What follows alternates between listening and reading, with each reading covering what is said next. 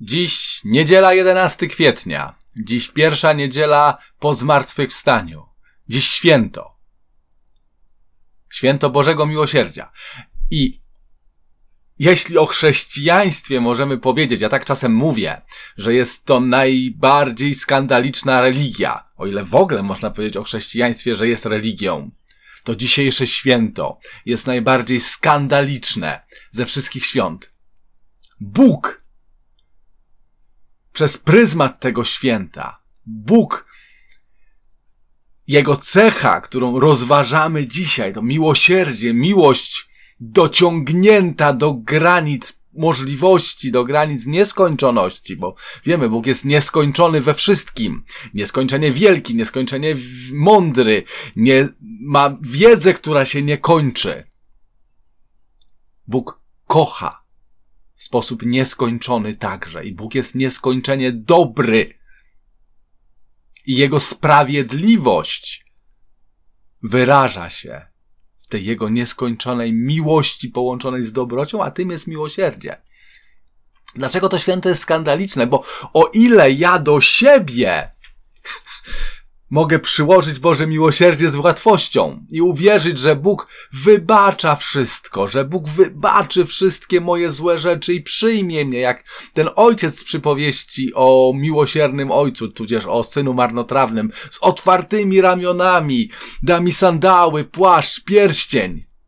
O tyle, jeśli spojrzę na kogoś, kto mnie skrzywdził, ta prawda jest już trudniejsza do przyjęcia, prawda?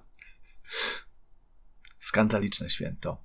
Skandaliczne święto. Bóg kocha tak samo, taką samą wielką, nieskończoną miłością najlepszego człowieka na ziemi i najgorszego człowieka na ziemi. A nawet za tym najgorszym pobiegnie, żeby go szukać. Jak w przypowieści o owcy, która się zgubiła.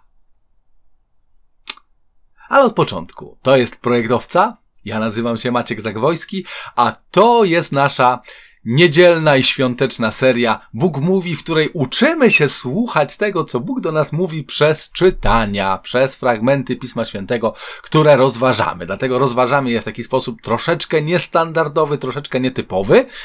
Mm, jeśli chcesz standardowego komentarza do czytań, no to niestety muszę cię odesłać gdzie indziej, bo to będzie inne, bo nie taki jest cel. Ja się do tych naszych spotkań nie przygotowuję, tu, stąd pojawiają się błędy, stąd pojawiają się pewne nieścisłości, niektóre mnie samego przestraszają, jak to potem odsłuchuję. Uczymy się słuchać tego, co Bóg teraz, w tej chwili mówi. E, więc do czytań. Czytanie pierwsze dzisiejsze to jest, są dwa zdania dosłownie z czwartego rozdziału, rozdziału dziejów apostolskich, to jest wers 32 do 35. Eee, autor dziejów, święty Łukasz, mówi nam o pierwotnym kościele, o kościele pierwszych, pierwszych ludzi, którzy uwierzyli w Jezusa Chrystusa. O kościele tuż po wniebowstąpieniu. I co mówi? Mówi tak, o takich rzeczach, które mnie uderzają i ja bardzo za, nie, za nimi tęsknię w sobie i, i w kościele. W kościele oczywiście jako wspólnocie wierzących. Tu też musimy sobie ustalić. Ja często mm, mówiąc słowo Kościół, mam na myśli Kościół, czyli wspólnotę ludzi, którzy wierzą. Pan Jezus mówi, gdzie dwóch lub trzech gromadzi się w imię moje, tam ja jestem wśród nich. To jest Kościół. I ja o takim kościele myślą, myślę, mówiąc Kościół. Nie myślę o e, instytucji, nie myślę o, o hierarchii, nie myślę o problemach i tak dalej, i tak dalej. My mamy zaszeregowane słowo Kościół, zwłaszcza w ostatnim czasie, bardzo mocno do tego hierarchicznego Kościoła. To jest tylko jedno ze znaczeń Kościoła, w sumie najmniej ważne. Ale przejdźmy do czytania. Jaki był ten kościół pierwszych chrześcijan? Oni się jeszcze nie nazywali chrześcijanami, ale no, już byli kościołem. Jeden duch, jedno serce ożywiały wszystkich, którzy uwierzyli. Jeden duch, jedno serce. To jest to, o czym Pan Jezus modlił się w 17 rozdziale Ewangelii Jana. To jest to, o czym Pan Jezus modlił się między wieczernikiem, między ostatnią wieczerzą, a pojmaniem w ogrodzie Getsemani. To ja, ja o tym mówiłem. Rok temu o tym mówiłem, że to być może są takie komentarze. To jest ta modlitwa, którą on wypowiedział w ogrójcu. Może przy tej modlitwie pocił się krwawo. Ojcze, aby wszyscy byli jedno, tak jak my jedno jesteśmy.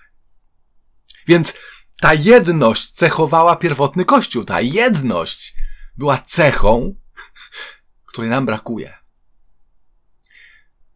Gdybyśmy my, chrześcijanie, stali tym duchu, tak? Jeden duch, jedno serce. Tu duch jest napisany z małej litery. Tu oczywiście chodzi o Ducha Świętego też, który jeden stępuje na wszystkich wierzących, ale też chodzi o ducha ludzkiego, tak? Oni byli jakby jednym duchem. Tak? Taka była jedność. I ta jedność się objawiała dalej w życiu. Żaden z tych ludzi nie nazywał swoim tego, co posiadał, ale wszystko mieli wspólne. Tak? No, ja tu muszę mocno pracować. Ja pracuję nad tym już, już parę lat. Mocno z Panem Bogiem w sobie, żeby moja własność przestała być moją własnością, a zaczęła być dobrem, który Pan Bóg dał mi do tego, żebym nim zarządzał. I to na każdym poziomie, na poziomie finansowym, materialnym, na poziomie jakiejś tam pracy, którą wykonam, czy na poziomie jakiegoś dzieła, które stworzę, tak? Nie nazywam, uczę się, nie nazywać e, swoim tego, co mam.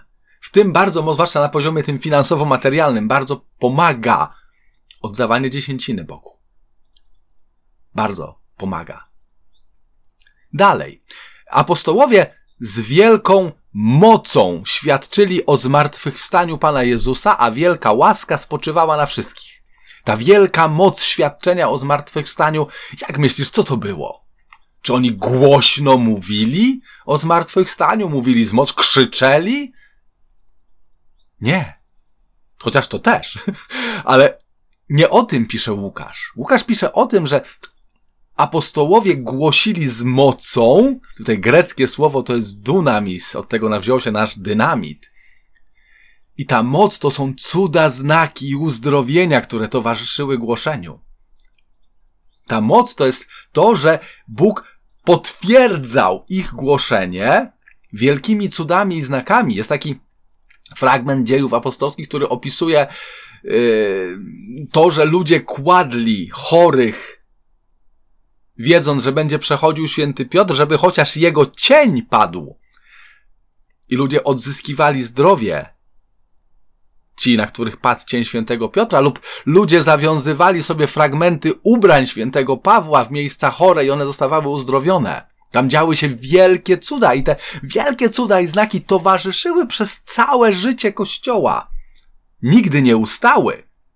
Ich ilość i intensywność może się zmniejszyła, może się skumulowała do kilku świętych, ale znaki cuda nigdy nie ustały. Nawet sam fakt tego, w jaki sposób Kościół katolicki uznaje, czy ogłasza daną osobę, że jest błogosławiona, czy święta, potwierdzenie następuje przez cud, przez znak. W tej chwili żyjemy w świecie, w którym Bóg powiększa, wzmacnia ten obszar działalności Kościoła. Kościół zaczyna być miejscem cudów, znaków i uzdrowień. I one będą rosły. I one będą rosły. Ich siła będzie rosła. Ich znaczenie będzie rosła. będzie rosło. Ale nie chcę się bardzo rozwodzić nad tym tematem dzisiaj. Potrzebuję tego ja jako chrześcijanin. Potrzebuję tego moja wspólnota kościoła, moja parafia. Potrzebuje tego cały kościół. I to się będzie działo. Wielka łaska spoczywała na wszystkich. Łaska to jest, to jest mm, takie coś, co Pan Bóg daje, takie dobro, które Bóg daje, na które się nie zasługuje. Tak? My generalnie nie zasłużyliśmy na nic. Dlatego na początku powiedziałem, że chrześcijaństwo nie jest religią, że nie możemy jej nazwać, jego nazwać religią, bo nie mieści się w kategoriach religii. Tak? Bo to nie jest składanie Bogu ofiary, żeby Bóg się nad nami zmiłował. Tak? To jest przy, bieżące przyjmowanie, ufanie Bogu i przyjmowanie tego, co On nam daje. A On nam daje swoje zbawienie, a On nam daje swoją miłość, a On nam daje swoje miłosierdzie. Tak, czyli moim zadaniem jako chrześcijanina, głównym zadaniem jest stanąć i powiedzieć, ufam Tobie, Ojcze. Patrzcie, że bo dzisiejsze święto, to wiemy, nie? Bazuje na, e, zaczęło się, genealogia tego święta jakby jest w dzienniczku siostry Faustyny i w jej, w jej objawieniach, w tym, co Pan Jezus jej przekazał, podkreślając te miejsca w Piśmie Świętym, bo dzienniczek jest zgodny z Pismem Świętym. To nie jest alternatywa. On nie, on nie mówi niczego nowego niż to, co jest w Piśmie Świętym i w Starym Testamencie też. W każdym razie, ten podpis na obrazie, który Jezus zlecił Faustynie, Jezu ufam Tobie, ja o tym też mówiłem. Jezu ufam Tobie, tam nie ma nic o miłosierdziu, tak? To, co zepsuliśmy w raju, tak? To przestaliśmy ufać Bogu. I sposobem naprawy całego świata, całej ludzkości jest ponowne zaufanie Bogu. I patrzę, ja mam z tym największe kłopoty. Nie wiem jak ty, może ty jesteś święty. Ja nie. Żeby zaufać Bogu. Tak? Ale nie tylko w kościele. W życiu też. I owocem takiego działania było to, pisze dalej Łukasz w dziejach apostolskich, że nikt nie cierpiał niedostatków, bo właściciele pól domu sprzedawali je, przynosili pieniądze ze sprzedaży i składali u stóp apostołów, a apostołowie rozdzielali to wszystko według potrzeby. Tak? Y, jest taki obraz, ja, ja szybko, ja szybko o nim powiem. E, są dwa wielkie zbiorniki wodne w Ziemi, w Ziemi Świętej, tak? Jest y, jezioro, czasem zwane Morzem Galilejskie i jest Morze Martwe. I oba mają związek z rzeką Jordan, tak? Do jeziora galilejskiego rzeka Jordan wpływa i z niego wypływa i ono kwitnie życiem. Na zewnątrz, wokół, wewnątrz, no cuda. Piękne miejsce. I jest Morze Martwe. Morze Martwe tylko przyjmuje rzekę Jordan i nie ma żadnego odpływu. Woda wyparowuje. I to miejsce jest martwe. Jest martwe, tam nie ma życia. Wy i nie ma życia dookoła, jest pustynia. I ty też, tak? Jeśli ja też. Jeśli spływają do mnie dobra, moim zadaniem jest je dawać dalej, słuchając Boga. Tak? Nie mogę zatrzymywać, bo, przez, bo zabiję życie w sobie. Naprawdę. I to robili apostołowie, tak? Oni przyjmowali dobra i rozdawali dalej. Przyjmowali, rozdawali, przyjmowali, rozdawali, przyjmowali, rozdawali. Moment, w którym zaczynam kumulować dobra, jest tym momentem, w którym ja zaczynam umierać. Tutaj decyzja należy do ciebie, w którą stronę chcesz iść.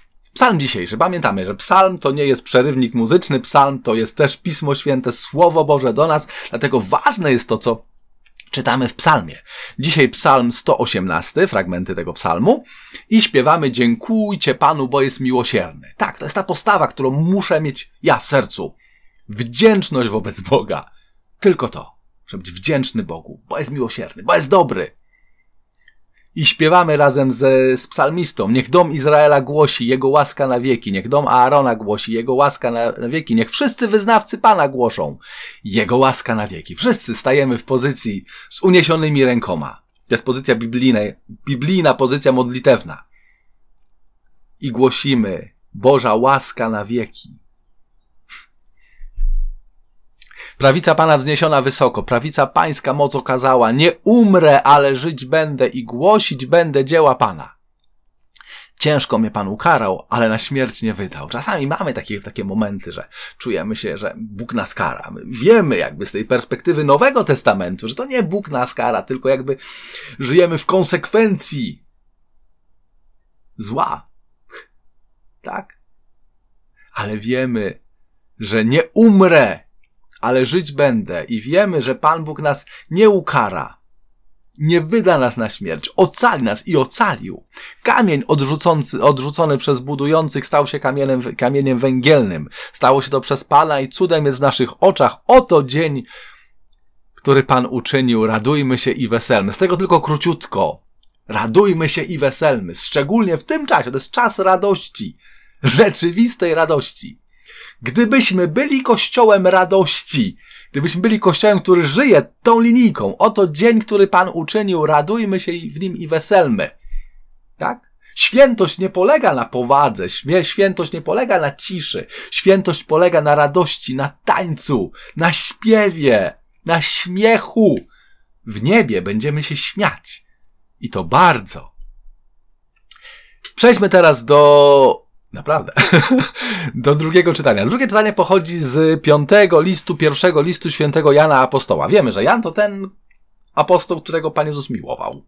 Tak on o sobie mówi. Ja jestem ten, który, którego Pan, Pan Jezus miłował. I zanim wejdziemy w ten tekst, yy, chwilkę przed tym Jan pisze, kto nie miłuje swego brata, którego widzi, nie może miłować Boga, którego nie widzi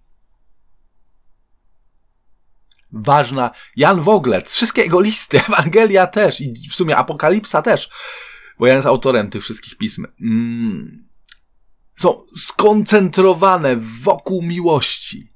Skoncentrowane wokół miłości. Jan mówi, nie można kochać, nie można twierdzić, że się kocha Boga. Odrzucając człowieka. Tak? Bądźcie miłosierni, tak jak mój ojciec jest miłosierny, mówi Pan Jezus. My jesteśmy wezwani do takiej miłości, jaką on żył. Tak? I ja nie chcę być w tej postawie, że ja będę święty, będę klęczał przed ołtarzem ze złożonymi rękoma, czy z rozłożonymi rękoma, będę się modlił. Wszyscy będą widzieć, jak jestem dobry. Tak, bo jak jestem pobożny, bo tak się ładnie modlę. A potem usiądę do internetu i będę szkalował moich przyjaciół, moich braci, będę pisał złe rzeczy, czy będę mówił złe rzeczy, czy za plecami kogoś będę kogoś obgadywał. No, zaprzeczę tej miłości wobec Boga. W dzisiejszym liście, już w właściwym fragmencie, Jan pisze, że ta miłość objawia się w tym, objawia się we wierze. W wierze, że Jezus Chrystus był Bogiem, i Mesjaszem.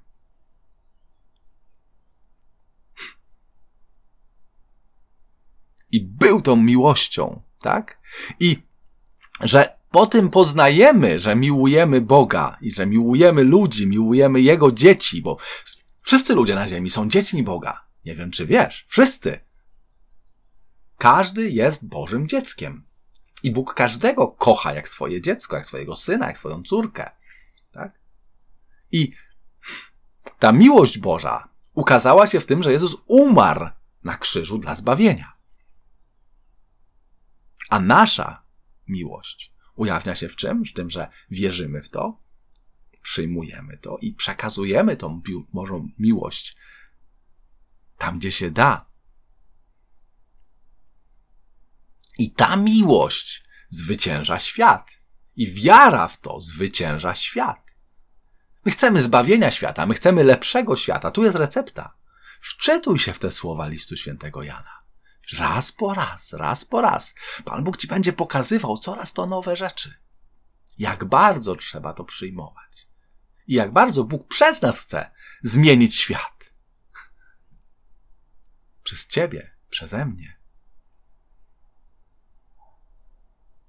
Dzisiejsza Ewangelia to jest dwudziesty rozdział Ewangelii Jana, czyli już przedostatni rozdział, sama końcóweczka, to co się dzieje po zmartwychwstaniu. I on opisuje o historię Tomasza, którego my nazywamy niewiernym. To jest bardzo niesprawiedliwe, bo to bardzo króciutko już powiem o tej Ewangelii. Bo to jest wszystko, to co jest, jest, jest napisane w Ewangelii. Czytaj i zobaczysz. Uczniowie gromadzą zamknięci, bo się boją, że ich Żydzi pozabijają. Pan Jezus przychodzi przez ścianę, przychodzi mimo tych zamkniętych drzwi i on do ciebie i do twojego brata, i do twojej siostry, i, i do wszystkich ludzi. Jest w stanie przejść, nawet jeżeli zamkniemy na, nie, na niego serce twardo. My czasem się boimy o, o tych, którzy gdzieś tam odrzucają Boga. A Pan Jezus potrafi przyjść mimo drzwi zamkniętych. Więc nie ma obawy. Więc przychodzi i mówi pokój wam. I oni mu nie wierzą. Nie wierzą, że to on, nie wierzą, że on przyszedł, nie poznają go, są dalej wystraszeni, nie przyjmują, tak? I nie przyjmują pokoju Jezusowego. Więc co robi Jezus? Pokazuje im ręce i bok. Pokazuje, to ja jestem, to ja umarłem za ciebie na krzyżu, prawdziwy, mam dalej, w zmartwychwstałym ciele, dziury, świadectwo mojej męki za ciebie. I oni się zaczynają cieszyć. Wtedy. Tak? I wtedy Jezus jeszcze raz mówi, pokój wam! I co? Posyłam was. Ojciec mnie posłał i ja was posyłam. Weźmijcie Ducha Świętego. I do czego was posyłam? Do tego, żebyście odpuszczali grzechy, mówi Pan Jezus. Nie mamy trzymać w sobie mm, gniewu, czy nie mamy trzymać w sobie niewybaczenia, czy nie mamy trzymać w sobie jakiejś rany, czy, czy w ogóle złości na kogoś. Mamy odpuszczać. To nie jest tylko to. Oczywiście, Kościół na tym zdaniu bazuje e, sakrament e, pojednania i pokuty. Sakrament spowiedzi. To, to oczywiście, ale oprócz tego to też jest wezwanie do, do mnie i do ciebie, żebyś szedł wybaczać grzechy. Tak? No ale Tomasza nie było z nimi i Tomasz mówi, ja nie wierzę, no co wy mi tu w ogóle opowiadacie? Ja, Jezus, jaki Jezus? No i Tomasz był bardzo realistą. Jeżeli przyjrzymy się Tomaszowi z innych fragmentów y, Ewangelii, to zobaczymy, że on był bardzo realny. Bardzo stąpający twardo po ziemi. Mówi, ja dopóki nie włożę palców w, w, w y, miejsce gwoździ, nie włożę ręki w bok, ja nie uwierzę, że to Jezus, nie? Patrzcie, że on chce, nie chce więcej niż chcieli ci uczniowie wcześniej, bo oni też nie uwierzyli, że to Pan Jezus, chociaż go widzieli, bo on do nich przyszedł. Też musiał im pokazać ręce i bok. Tomasz nie chciał niczego więcej, dlatego nazywanie jego niewiernym, a innych wiernymi jest totalnie bez sensu. Jezus przyszedł. Tydzień później ta sama historia, oni dalej są, zam dalej są zamknięci. Czy nie uwierzyli Jezusowi? Nie tylko Tomasz, nie, oni dalej nie uwierzyli, tak? Jezus mówi, chodź Tomasz, szybciutko chodź tutaj, włóż rę, palce w miejsce gwoździ, rękę w, tam, gdzie, gdzie była dzida i uwierz, chociaż szczęśliwi są ci, którzy nie widzieli, a uwierzyli. Ale ty to zrób, ja do ciebie przyjdę. Specjalnie i Pan Jezus do ciebie przyjdzie, mimo drzwi zamkniętych. Do ciebie, mimo drzwi zamkniętych, do twojego serca. Nie wiadomo, jak się zamknęła, czy jak się zamknął i zrobi wszystko, czego zażądasz, żeby w Niego uwierzyć, żebyś w Niego uwierzyła, żebyś w Niego uwierzył. To jest mój Bóg. To jest mój Jezus. On taki jest. Jego uniżenie nie skończyło się na męce i na śmierci. On dalej jest uniżony, dalej jest pokorny sercem i dalej chce zrobić dla ciebie wszystko, żebyś w niego uwierzyła, żebyś w niego uwierzył. I robi to. Ja znam wiele historii ludzi, którzy w największej rozpaczy krzyczeli: Jezusie, jeśli jesteś prawdziwy, to mi to pokaż. I on to robił. Do Faustyny dzisiejszej bohaterki. Kiedy przyszedł Jezus? Kiedy ona była na imprezie i bawiła się w najlepsze i pokazał jej ręce i bok. Cudownego święta, cudownego świętowania. Radości Ci życzę. Sobie też, jeszcze większej.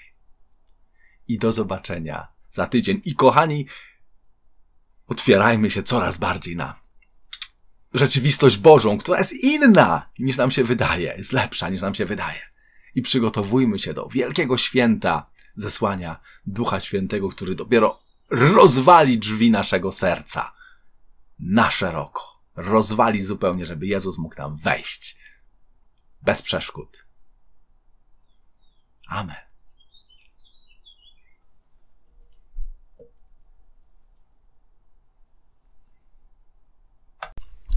Dziękuję Ci bardzo za to, że dotrwałeś aż do teraz i wysłuchałeś całego nagrania. Zapraszam ponownie za tydzień, a w międzyczasie polecam polubienie i udostępnienie swoim znajomym naszej strony facebookowej Projekt Owca, jak również subskrybowanie naszego kanału na YouTubie Projekt Owca TV. Życzę Ci wszystkiego dobrego, wielu łask Bożych, błogosławieństwa Bożego i ogromu mocy Ducha Świętego w życiu Twoim i Twoich najbliższych.